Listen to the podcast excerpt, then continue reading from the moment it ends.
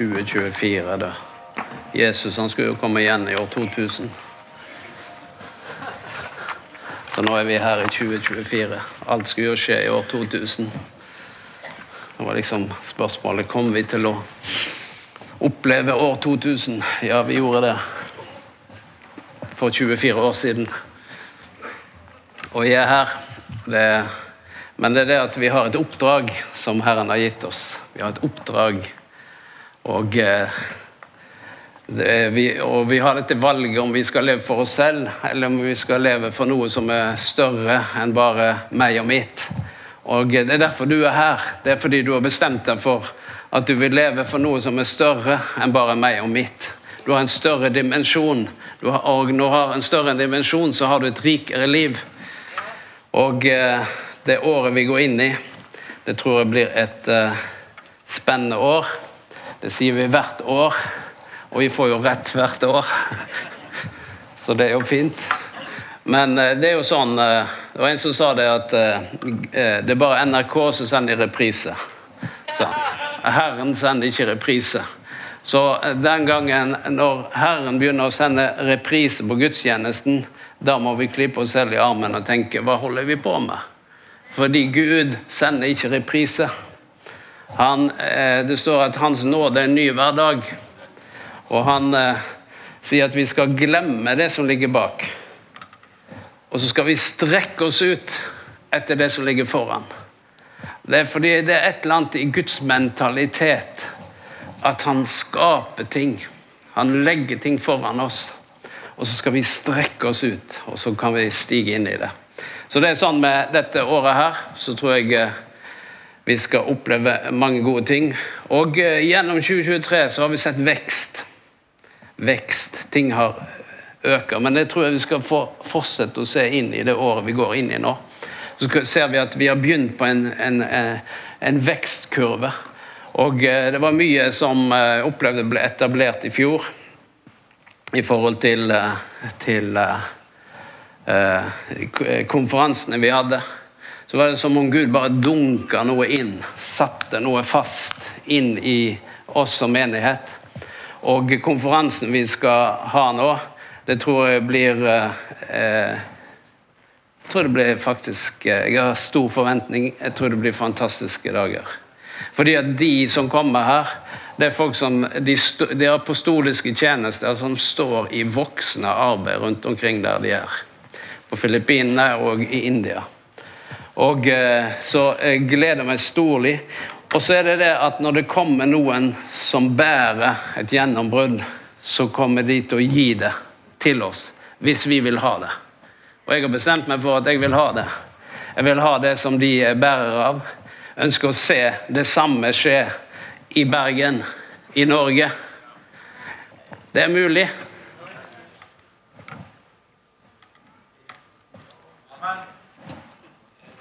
Den satt langt inne.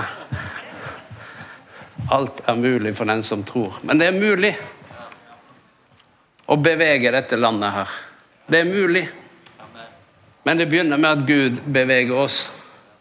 Han starter alltid med oss og så skjer det noe. Men jeg tror at uh, disse dagene så kommer uh, noe som begynte i fjor, kommer bare til å øke og fortsette. Og så skal vi se noen uh, gode dager videre òg. Du så på skjermen her så sto det at det var nordisk bønnekonferanse. Det hørtes spenstig ut, gjorde ikke det? Men det meg og Tanja har vært i Sverige og preka på nordisk bønnekonferanse i Ørnskjønnsvik. Så eh, det er Det er de som er pastorpar der, sammen med Sebastian Stakseth, som vi kjenner, som har denne bønnekonferansen. Eh, så de spurte kan vi komme og ha, eh, ha, det hos oss, men da så vi kommer til å ha noe møte med Stakset kanskje rundt omkring en eller annen plass i byen. Og så har vi bønnedag her på lørdagen, så det tror jeg blir veldig bra. Da kommer det noen svensker og eh, litt forskjellig. Så skal vi ha en bønnedag her i april. Så det er de tingene som kommer nærmest nå. Og så får du følge med videre. Og så må vi bare notere 'jeg tror' allerede i oktober. Vi hadde det på veggen her i sted. Bare noter deg alle disse datoene, hvor du skjønner at det er da jeg ikke skal være på ferie. Og eh, det er da jeg eh, Da er jeg her, liksom. Da, liksom, da markerer du gult på kalenderen. Da er det viktig. Da er jeg her disse dagene. For det er så synd hvis du går glipp av det fordi du ikke visste om disse datoene. Plutselig legge inn noe annet. Så derfor er det du får det litt tidlig nå. Ok.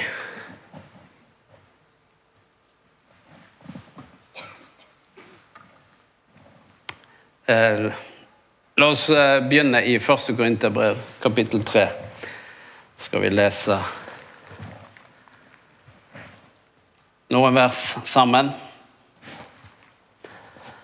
Jeg skal snakke litt om troens grunnvoller i dag. Eh, men det kommer vi mer tilbake til. Men eh, det står her Hvem er da Paulus? I kapittel 5, 1. Korinterbrev 3, vers 5. Hvem er da Paulus, og hvem er Apollos? Er vi ikke tjenere som kom til dere, som eh, dere kom til tro ved, og det etter som Herren gav hver enkelt? Jeg plantet, Apollos vannet, men Gud ga vekst. Så er da den som planter ingenting, heller ikke den som vanner, men Gud som gir vekst. Den som planter og den som vanner ett, og hver av dem skal få sin egen lønn etter sitt eget arbeid, for vi er Guds medarbeidere. Dere er Guds åkerland, dere er Guds bygninger. Det står her er ikke vi alle tjenere som dere kom til tro ved, eller tjener, tjenere som hjalp dere til tro, som det står i den andre oversettelsen. Begge gjorde vi det Herren hadde satt oss til. Og så sier han at 'jeg vannet', Apollos vannet. Nei, Apollos, eh, jeg plantet, Apollos vannet, men Gud ga vekst. Og Det er jo det vi har holdt på med disse årene. Vi har vannet, vi har plantet, vi har vannet, vi har plantet. Men det er Gud som gir vekst. Og Det er derfor jeg sier vi er inne i en sånn vekstperiode. Og Gud vil gi vekst videre, fordi at vi vil fortsette å vanne, vi vil fortsette å plante. Vi vil fortsette å gjøre det vi gjør. Og når vi fortsetter å gjøre det vi gjør, så kommer det til å vokse. Fordi at Gud gjensvarer eh, det som han eh, setter i gang, og det når vi gjør det etter hans ord. Eh, så, så derfor så er det at jeg sier vi, vi er inne i en vekstperiode. Og Det betyr at vi må være klare til å ta imot nye folk og nye mennesker. Og, eh, men det er du. Men vers 10. I kraft av den nåde Gud har gitt meg, la jeg en grunnvoll som en klok byggmester. En annen bygger videre. Men hver enkelt må være nøye med hvordan han bygger. Ingen kan legge en annen grunnvoll enn den som er lagt, Jesus Kristus. Men om noen bygger på grunnvollen med gull, sølv eller edelstener, med tre, høy eller halm, skal det en gang vise seg hva slags arbeid den enkelte har gjort. Herrens dag skal gjøre det klart, for den åpenbarer seg med ild, og ilden skal prøve hvordan den enkelte, enkeltes verk er. Så her står det om at uh, Paulus sier la en grunnvoll som en klok byggmester.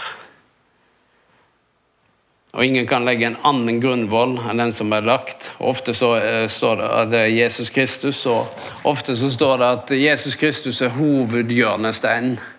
Dvs. Si at alt bygges ut ifra en hovedhjørnestein. For den setter retning, den viser så den, uh, Det er det en bygger ut ifra. Så alt det vi bygger, det bygges ut ifra uh, Jesus. Og så står det at en ting er selve grunnvollen. Altså en, Ingen kan legge en annen grunnvoll enn den som er lagt. Det er Jesus Kristus som er grunnleggeren av menigheten. Det står at Han, han sier selv at 'jeg vil bygge min menighet', sier han. Så, så Jesus han er byggmesteren av menigheten. Og så står det 'men hver enkelt må være nøye med' hvordan han bygger. Ja, hva bygger? Bygger opp på denne grunnvollen så står det at hver enkelt må være nøye med hvordan han bygger. Og da snakker han til oss. For selve grunnsteinen den kan ikke vi gjøre noe med. For den er lagt. Og den er Gud selv som har lagt ned grunnsteinen og grunnvollen, som er Jesus Kristus. Men så sier han at hver enkelt en må være opptatt av være nøye med hvordan han bygger oppå grunnvollen. Hva som står oppå der. For han sier en dag så kommer det til å bli testa. Om du har bygd på gull, på sølv, gull og edelstener, hva det sto her. Ja, gull, sølv eller edelstener. Tre høy eller halm. Da vet du hva som kommer til å brenne opp. Det er ganske greit å forstå at det tar lett fyr. Hvis det er høy og halm, så, så er det borte. Liksom Ser du en liten røyksky. 'Å ja, det var ditt verk.' På, det står det. Det er det det står. Det var jo oppmuntrende her på det nye året. Men poenget er at det er derfor det er så viktig hvordan vi bygger.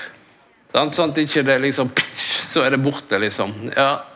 Men at vi bygger på en slik måte at det blir bestående frukt. At det blir noe som varer, at det blir noe som holder gjennom hele livet, som også holder i andres liv. Så en grunnvoll, det er det vi bygger på. Derfor er det viktighet eh, viktig eh, dette med troens grunnvoller i våre liv. Ja, dette er det vi tror. Dette er verdiene vi lever ut ifra. Dette er det vi bygger livene våre på. Fordi Jesus sier det at et hus det blir stående i stormene dersom det er bygd på fjell, står det. Vil si derfor vi bygger vårt liv på hans liv og hans ord. Så vil det bli stående. Og eh, i livet vårt og i samfunnet som vi lever, og som vi er en del av, så vil vi komme under press. Det skjer stadig vekk. Og det kommer til å skje i 2024 også, og i tiden som kommer. Og da vil fundamentet vi har bygd på, det vil være veldig avgjørende. Så Derfor sier vi at troens grunnvoller, det er vårt trossystem. Det er våre, de guddommelige prinsipper og åpenbaringer som eh, som eh, blir førende og styrende i livene våre. Og Det er disse grunnvollene som på en måte, de skal bare ligge i ryggbagen, nesten bli som en sånn refleks. Når ting oppstår, når ting skjer, så hjelper det oss til å navigere. Fordi de setter prioriteringer. Avgjørelser vi tar, de baseres på dem, og livet de innrettes etter dem. Det er disse trossystemene våre det er grunnvollene våre som, som, slår inn. Hver gang noe skjer, så slår disse grunnvollene inn. Og ok, da reagerer jeg ut ifra det som ligger i meg, fordi jeg har bygd livet mitt på det. Og eh, Det er slik med menigheten. Den har fem sånne grunnsteiner som eh, vi ofte henviser til. Som eh, er noe som vi kjenner igjen. Det ene var nattverden, som vi akkurat tok nå. Det står de holdt seg trofast til apostlenes lære og til fellesskapet. Apostelgjerningene 2, 42. Til brødsbrytelsen og til bønnene. Denne her undervisningen de holdt seg til apostlenes lære, står det. De holdt seg til fellesskapet, til nattverden, til bønnene.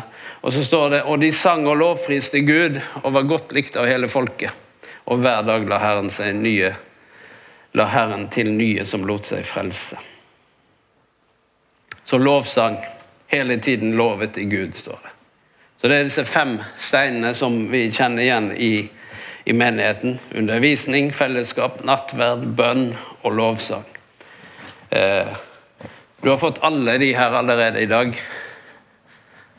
Det er ikke hver gang vi har nattverd, men i dag så har vi fått alle fem. Du har fått lovsang, sånn, og nå er vi midt inne i undervisning. Fellesskap, vi treffer hverandre. Bønn har vi hatt.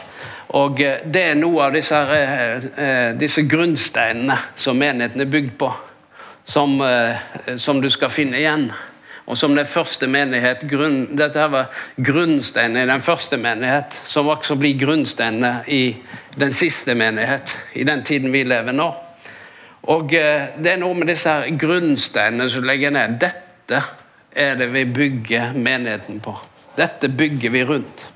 Og så bygger vi rundt apostlenes lære, står der. Og eh, Det er jo interessant at de hadde en undervisning som de bygde rundt. Vi har jo noe som heter tros- og læregrunnlag i menigheten vår. Og det er sånt som skal hjelpe oss som en rettesnor. Slik at vi vet at eh, vi skal ikke vike av. Dette her er blitt enige om. Dette har vi I fellesskap har vi eh, bestemt at dette er vårt tros- og læregrunnlag. Og da holder vi fast ved det. Vi måtte justere en, en, en ting her for noen år siden.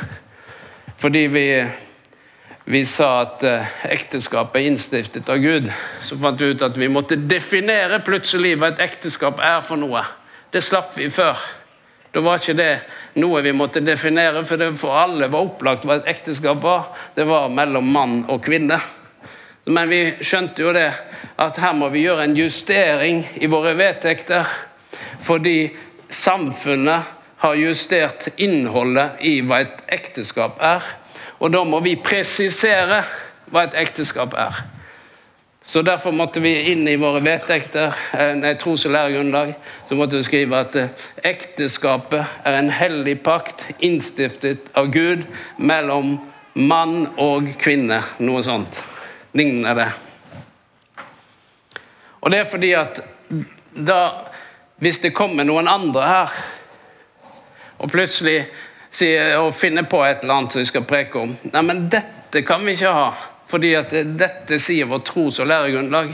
Det er sånne trosfundament som vi har i menigheten. Vi, sånne grunnsteiner som vi bygger rundt. Det er dåp i vann med full neddunkelse, f.eks. Kanskje vi har noen andre typer dåp. Vi har bare én dåp. Det er den type dåp. Eh, og det er sånn vi, så vi har definert en del sånne tros- og læregrunnlag. Du finner de hvis du vil eh, gå i dybden på det. Og eh, Det er det jeg kaller troens eh, sånne grunnvoller som vi er. La oss lese i Hebreabrevet 5. Så skal vi gå litt videre. Jeg ser klokka er alt fem på halv, men ikke se på klokka nå. sant? Ok? Fordi at vi hoppet over et møte nå i nyttår, så vi skal ta to stykker på en gang nå. Sånn at uh,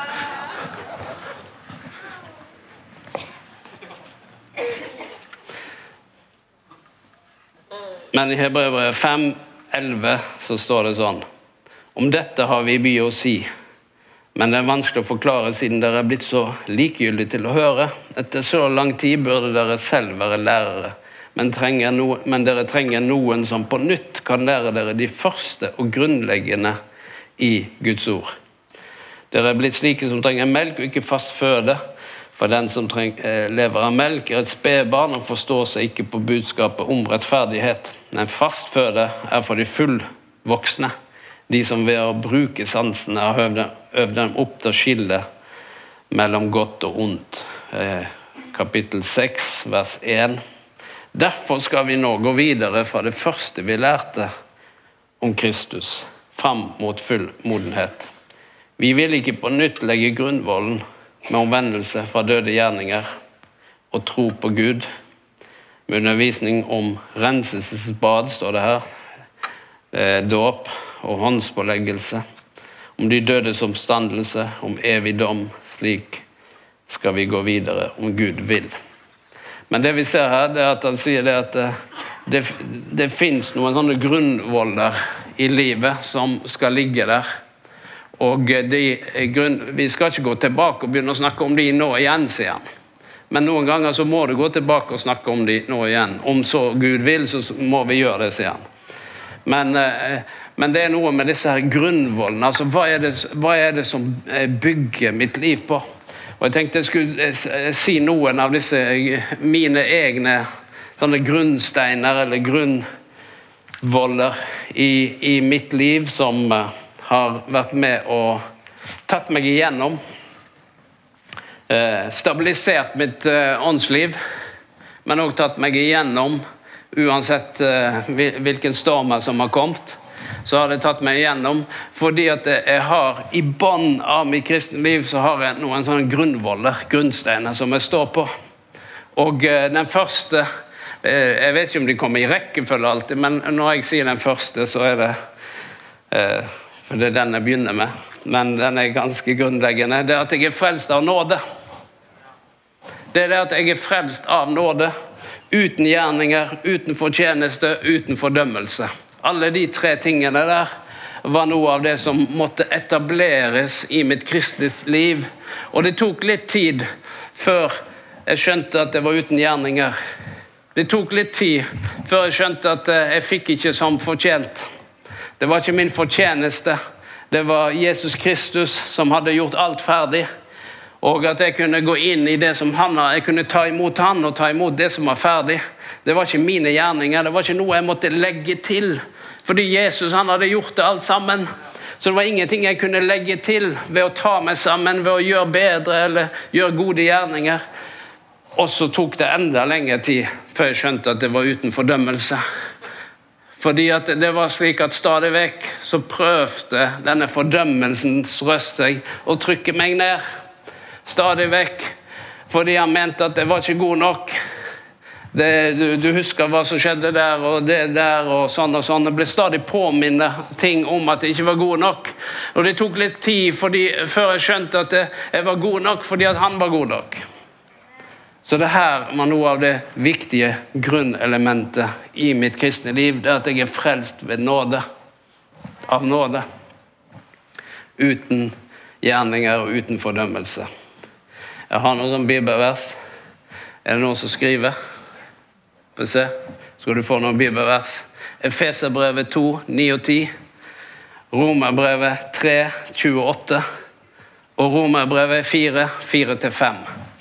Du får mye for pengene her i dag. Du får du tre bibelvers bare der.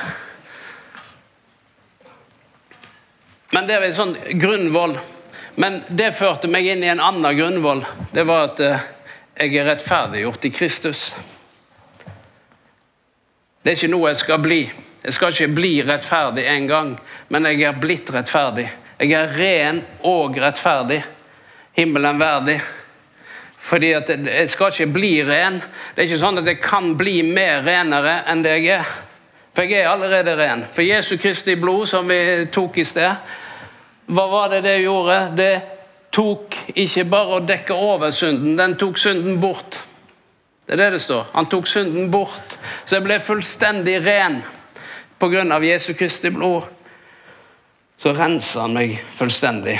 Og så sa han det at du er rettferdig. Og hvordan er det hvis en som er rettferdig, skal stilles for dommen? Så kan han ikke dømmes. Hva sier du, dommer? Vi har en dommer iblant oss.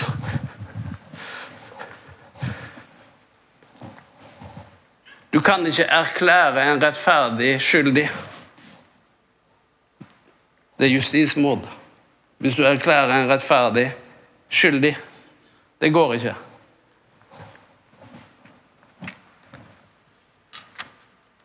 Så plutselig så skjønte jeg at det, er ikke av meg selv. Det er Jesus Kristus som har gjort, seg, gjort meg rettferdig. Det er han som er min rettferdighet.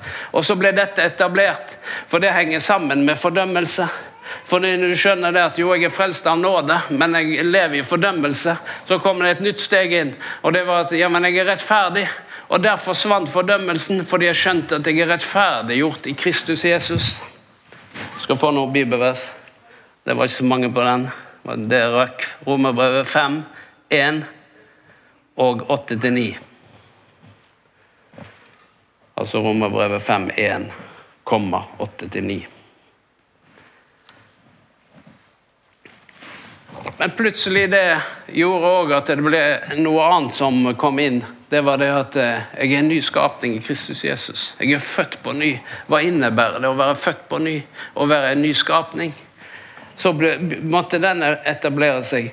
Det er det eh, å finne ut hvor er min identitet. Hvis jeg er en ny skapning, så måtte jeg leve ut ifra den nye skapningen, den nye identiteten, den nye som jeg er i Kristus.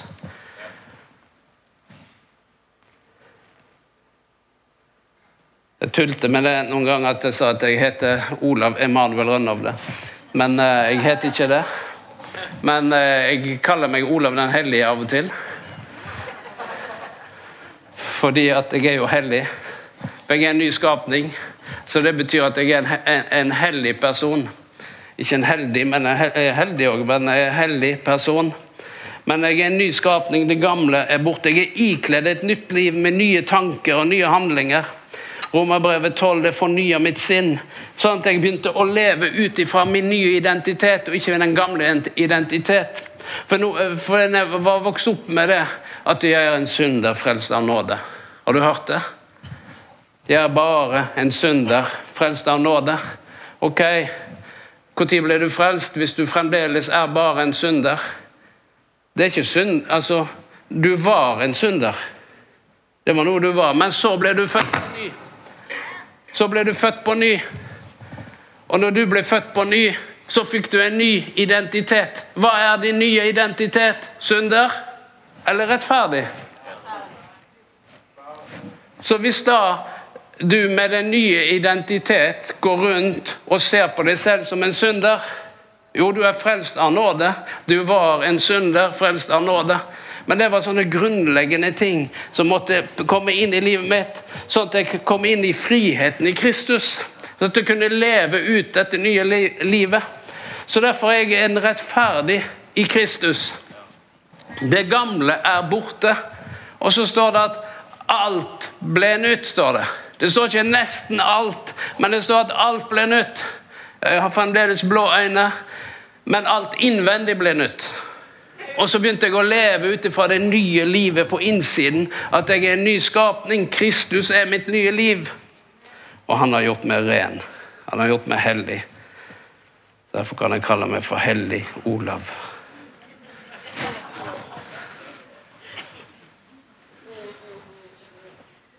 Dette var sånne grunnsteiner som ble etablert, som eh, jeg kunne leve ut ifra. Så var det dette med Den hellige ånd. Oppdage livet med Den hellige ånd. At uh, Den hellige ånd den kommer med i, i fødsel. Når du blir født, så flytter også Den hellige ånd inn i livet. Hjelperen som er med oss i alle situasjoner som har sagt at jeg, eh, gir, jeg overlater ikke dere farløse, men jeg skal gi dere hjelperen. Han som ut, men det er også han som utruster oss, som døper oss i Den hellige ånd og ild. Det er den samme hellige ånd. Han flytter inn, og vi blir frelst, men så sier han du kan få en ekstra dimensjon. Du kan bli døpt. Derfor sa han til disiplene vent her til Den hellige ånd kommer over dere. sa Og så var de der på øvre sal, og så kom Den hellige ånd, blåste inn. Og så begynte de å tale med nye tunger.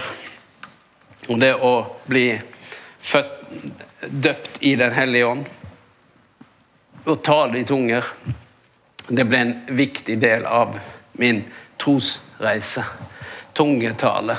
Det er en viktig del av fundamentet i min tro, fordi at eh, jeg ber med ånden, og jeg synger med ånden, men jeg synger med forstanden, og jeg ber med forstanden.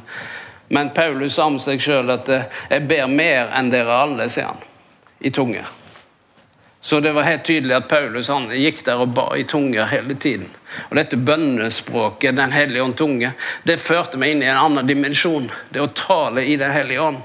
Og Per Ove vil snakke mer om det neste søndag. Om Den hellige ånd, om tungetale, om utrustning, Den hellige ånds dåp. Og eh, hvis du ikke er døpt i Den hellige ånd, så må du være neste søndag. Da blir det åndsdåp.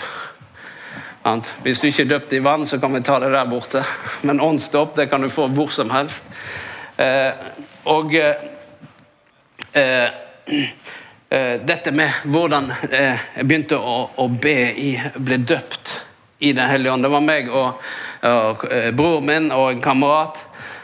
fordi han hadde blitt døpt det var i 1980. Han har blitt døpt i Den hellige ånd, men ikke meg og broren min. Så da ba vi sammen og sa at før sommeren var over, så skulle vi også være døpt i Den hellige ånd. Vi satte det som han mål som vi ba. Så da for vi på ferie og kom til Sarensdal, og der ble døpt i Den hellige ånd på sommerkonferansen. Og så ble det en del av livet. Og så utvikla denne tungetalen mer og mer. Det var ikke bare at en ble døpt i Den hellige ånd og, og prata litt i tunger, og så var det sånn ta fram en gang iblant. Nei, det ble en del av min trosfundament å be i Den hellige ånd. Og så kommer jeg over i dette med å leve av tro og til tro, som det står i Hebreerbrevet 1,17. Hebreerbrevet 11, 1 og 6. Den rettferdige skal leve av tro. Det å, leve ut ifra at det står at du skal ikke ha det synlige for øyet, men eh, tro er full visshet om ting du ikke ser. Og Det har vi hatt mye av det siste året. Undervisning om tro. Så jeg bare henviser til Anket og undervisningen han har hatt det siste året. Jeg bør ikke si så mye mer om det. Men det blir en dimensjon av hvordan du lever. Så blir det et fundament i livet mitt. At det, Ikke la det styre av det synlige. Ikke la det styre av omstendighetene. Ikke la ting stoppe deg selv om det eh, eh lommeboka sier du har ikke råd. Så eh, spør Herren hva sier du, Herre? Så det har blitt en annen dimensjon å leve etter. Ikke leve bare ut fra det naturlige, men også leve ut fra en overnaturlig dimensjon. Og så er det dette med at Guds ord som blir autoritet i livet. 2. Timoteus 3,16. At hele Skriften er inspirert av Gud. Og uh, dette med at Guds ord blir som en sånn rettledning. Det innretter livet mitt etter Guds ord. Så legger jeg, når jeg gjør det, så legger jeg meg under Guds autoritet. Det er det som ofte er at Vi vil gjerne stå under Guds autoritet. Men da sier han hvis du vil stå under Guds autoritet, så underordner jeg meg eh, mitt ord. Det står at Gud står den stolte imot, men den ydmyke gir han nåde. Og så står det 'ydmyk dere derfor under mitt ord'. Guds ord. Så når vi legger oss og Det vil si at vi sier nei til det Guds ord sier nei til, og så sier vi ja til det Guds ord sier ja til. Da underordner vi oss Gud. Og da underordner vi livet vårt under Guds autoritet. Da kommer det en beskyttelse over livet vårt når vi gjør det. Da kommer det et vern omkring oss fordi at vi underordner oss Guds ord. Når vi går utover det, så åpner vi livet vårt opp for ulike ting som kan skade oss. Og Det er jo derfor Gud setter disse tingene. Det er for å beskytte våre liv, det er for å hjelpe oss, det er for at vi skal ha et godt liv. Amen. Ja, det er mer å si, men Så var dette med den troendes autoritet var noe av disse grunnelementene i livet mitt. Johannes 14, 13-14. Markus 16, 17-18. Markus 11, 22-24. Kolosserbrevet 2, 15. Det er dette med at vi har fått autoritet i navnet Jesus. Autoritet til å tale til omstendighetene. Han eh, sa det eh, eh, eh 'Jeg har gitt dere makt over Eh, eh, vær den som tror. Så derfor sier han derfor i mitt navn gå ut og drive ut onde ånder og gjør sånn og helbrede syke. I mitt navn, sa han. Og eh, eh, denne autoriteten til å tale til omstendigheter sant? Den er fra Markus 16 om du, om du sier til dette fjellet Løft deg opp og kast deg i havet, ikke tvil i hjertet, men tro at det du sier skal skje. For ham skal det skje, står det i Markus 11. Og Det er noe med den der å tale til omstendighetene. For dette fjellet det kan være et symbol, et bilde på en omstendighet. Og det å begynne å tale til omstendighetene Det står ikke at du skal be Gud om å flytte fjellet. Det står om at du skal tale til fjellet, så kommer Gud til å gjøre noe med det. Det må være riktig rekkefølge. Det er ikke 'Kjære Gud, kan du flytte dette fjellet?' Nei, det er ikke det han lærer oss. Han sier det 'Du taler til fjellet, så kommer jeg til å flytte det'. Det er litt annen rekkefølge. Men eh, det er den autoriteten som vi har fått. Men også dette med at autoritet over djevelen. Du vet, Vi snakker ikke så mye om djevelen. Og det er litt av taktikken. Jesus snakket om djevelen. Han, eh, han sa at han var en tyv. Han hadde forskjellige navn på djevelen. Men det står i 1. Eh, Peter 5, 8 og 9, Jakob 4, 7, så står det at eh, vi kan stå djevelen imot. Og hvis vi står djevelen imot, så kommer det til å skje noen ting. Du kommer til å flykte fra ham. Eller var det motsatt? Det var motsatt. Det var han som kom til å flykte fra deg. Så derfor er det noe at Gud vil ikke at vi skal gå rundt og være redd for djevelen. Og har frykt for djevelen. Men han vil gjerne skape det bildet av seg selv, at det er en person som vi skal frykte. Men i Jesu Kristi navn, for det står at Jesus Kristus seiret over ham, så står det at han stilte maktene og myndighetene til spott og spe da han triumferte over dem på korset. Derfor er det slik at Jesus Kristus triumferte over alle makter og myndigheter. Og så sier han at 'du kan bruke mitt navn', sier han. Det var verset før. Autoritet. I, i, du kan bruke mitt navn. Derfor er det slik at når du taler til djevelen, så må han bøye seg. Det er ikke du som må bøye deg, det er han som må bøye seg. Og den, Dette var lærdom som ble et fundament i mitt liv. Fordi det har vært nok av omstendigheter i mitt liv som kunne fått meg til å stoppe opp. Det kan jeg bare love deg. Og det har det sikkert vært i ditt liv òg. Men det er et eller annet med denne troens ånd, troens mentalitet. Denne overbevisning om at Gud er med meg, og at jeg kan tale til djevelen, og han må bøye seg. Det må du benytte deg av. Han stikker stadig hodet fram, men det er bare det. Det blir sjeldnere og sjeldnere når han skjønner det, at han kommer ikke noen vei.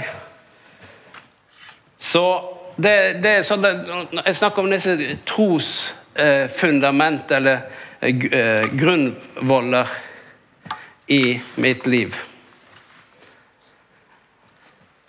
Det andre er tiende. Malaki 3, 10.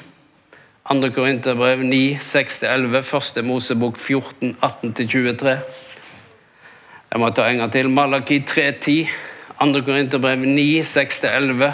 1. Mosebok 14, 18-23. Jeg har denne oppfatningen om at tienden tilhører Herren.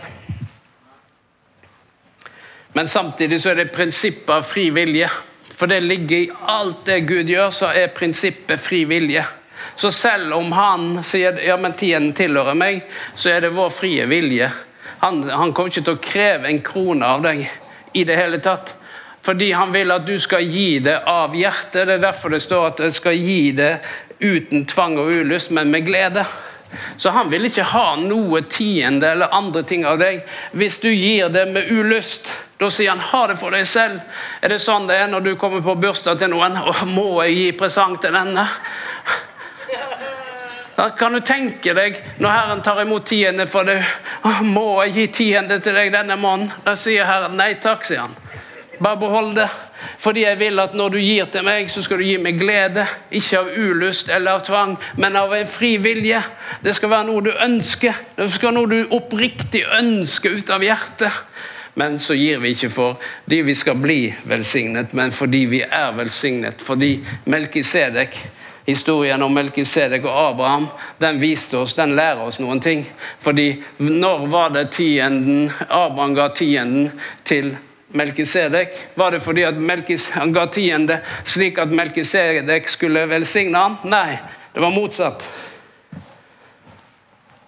Melkisedek kom ut fra Salem, og så velsigna han Abraham. Og når han velsigna Abraham, så står det da ga Abraham han tiende av alt. Han ga han tiende av alt fordi han allerede hadde fått Guds velsignelse. Men så tror jeg på loven om å så og høste. Det er en annen ting. At eh, den som sår rikelig, vil høste rikelig. Men det er selve eh, fundamentene, trosfundamentene. Så dette med tiende det var noe jeg begynte å praktisere veldig tidlig. Eh, til å begynne med med veldig liten åpenbaring. Det var mer plikt. Ja, det må tiende, det er noe du må gjøre. Men så etter hvert så kom det mer og mer åpenbaring, og så ble det en dimensjon som jeg levde ut ifra. Og så dette med Guds ledelse, at alle kan høre Gud. Eh, det ble viktig for meg, det å høre Guds stemme og kjenne igjen Guds stemme. Jesus sier at han er den gode hurde, og så sier han at 'mine får høre min røst'. Mine får høre min røst. Og vi vet, eh, jeg ser mange får her. Det betyr at hvis du ser på deg selv som en av Jesus sine sauer, så kan du høre hans røst. For det står at alle hans får kan høre hans røst. Og det å kjenne igjen Gud, og kjenne igjen Guds røst, og kjenne igjen når han taler, det er noe som har vært sånn eh, personlig for meg. Dette med at Gud leder meg personlig. Og dette med å ta tid med Gud. Ha gode vaner og rytmer. Dette med gudstjenester, fellesskapet, Bibel og bønn. Det er sånne grunnelement. Det jeg har snakket med deg om nå, det er disse grunnvollene i livet mitt. Som jeg har bygd livet mitt på i alle disse år. Og, eh, og jeg tror at det som fungerer for meg, vil også fungere for deg. Men du må finne ut hva bygger jeg livet mitt på? Hva bygger jeg opp på?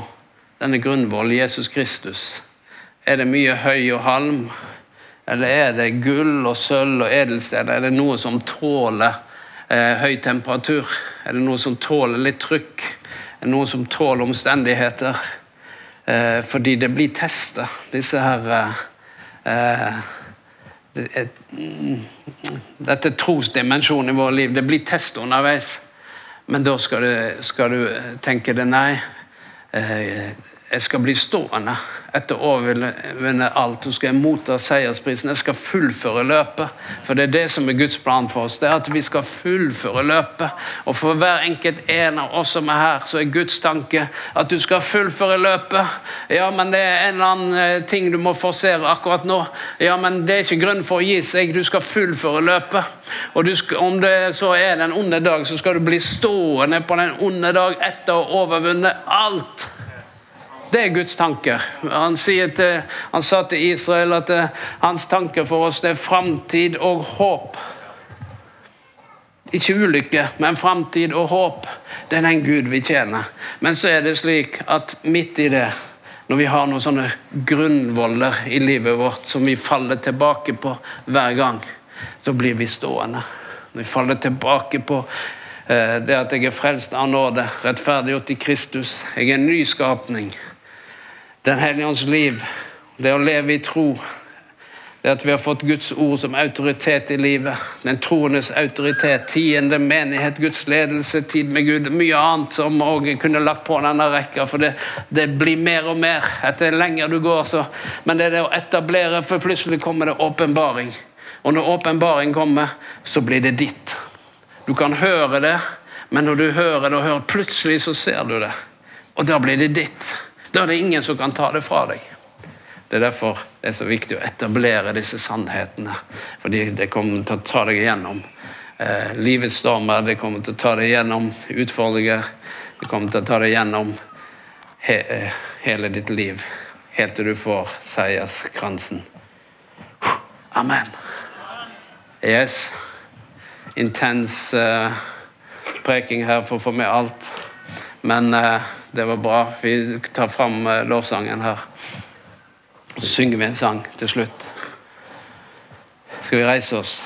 Vi vil bare takke deg, Herre, for at du etablerer i våre liv disse troens grunnvoller, Herre. Troens grunnvoller som vi kan leve ut ifra, Herre. Vi bare takker deg for det. Troens grunnvoller, Herre. Jeg ber deg, Far, om at de skal bare etableres mer og mer, Herre etableres mer og mer. Ber deg, himmelske Far, bare takke deg, Herre. Takk, Herre. Takk, Herre. Ber deg, Far. Det er jo sånn at eh, det kan være at eh, det er noen av disse grunnvollene her som eh, trenger å etableres i ditt liv. Da skal du ta tid og, fokusere noen av de. Bare fokusere noen av de. Slik at at det blir etablert i ditt liv som et fundament som du kan stå på. For det, det, det, det, er sånn at Noen ganger så er det noen hull her og der. Da kan du ta tak i det så kan du etablere det som en sannhet i ditt liv. Så vi takker deg for det, Herre. Bare velsigne hver enkelt en, Herre, som er i dette rommet akkurat nå. De som ser på sendingen, Herre. Velsigne hver enkelt en.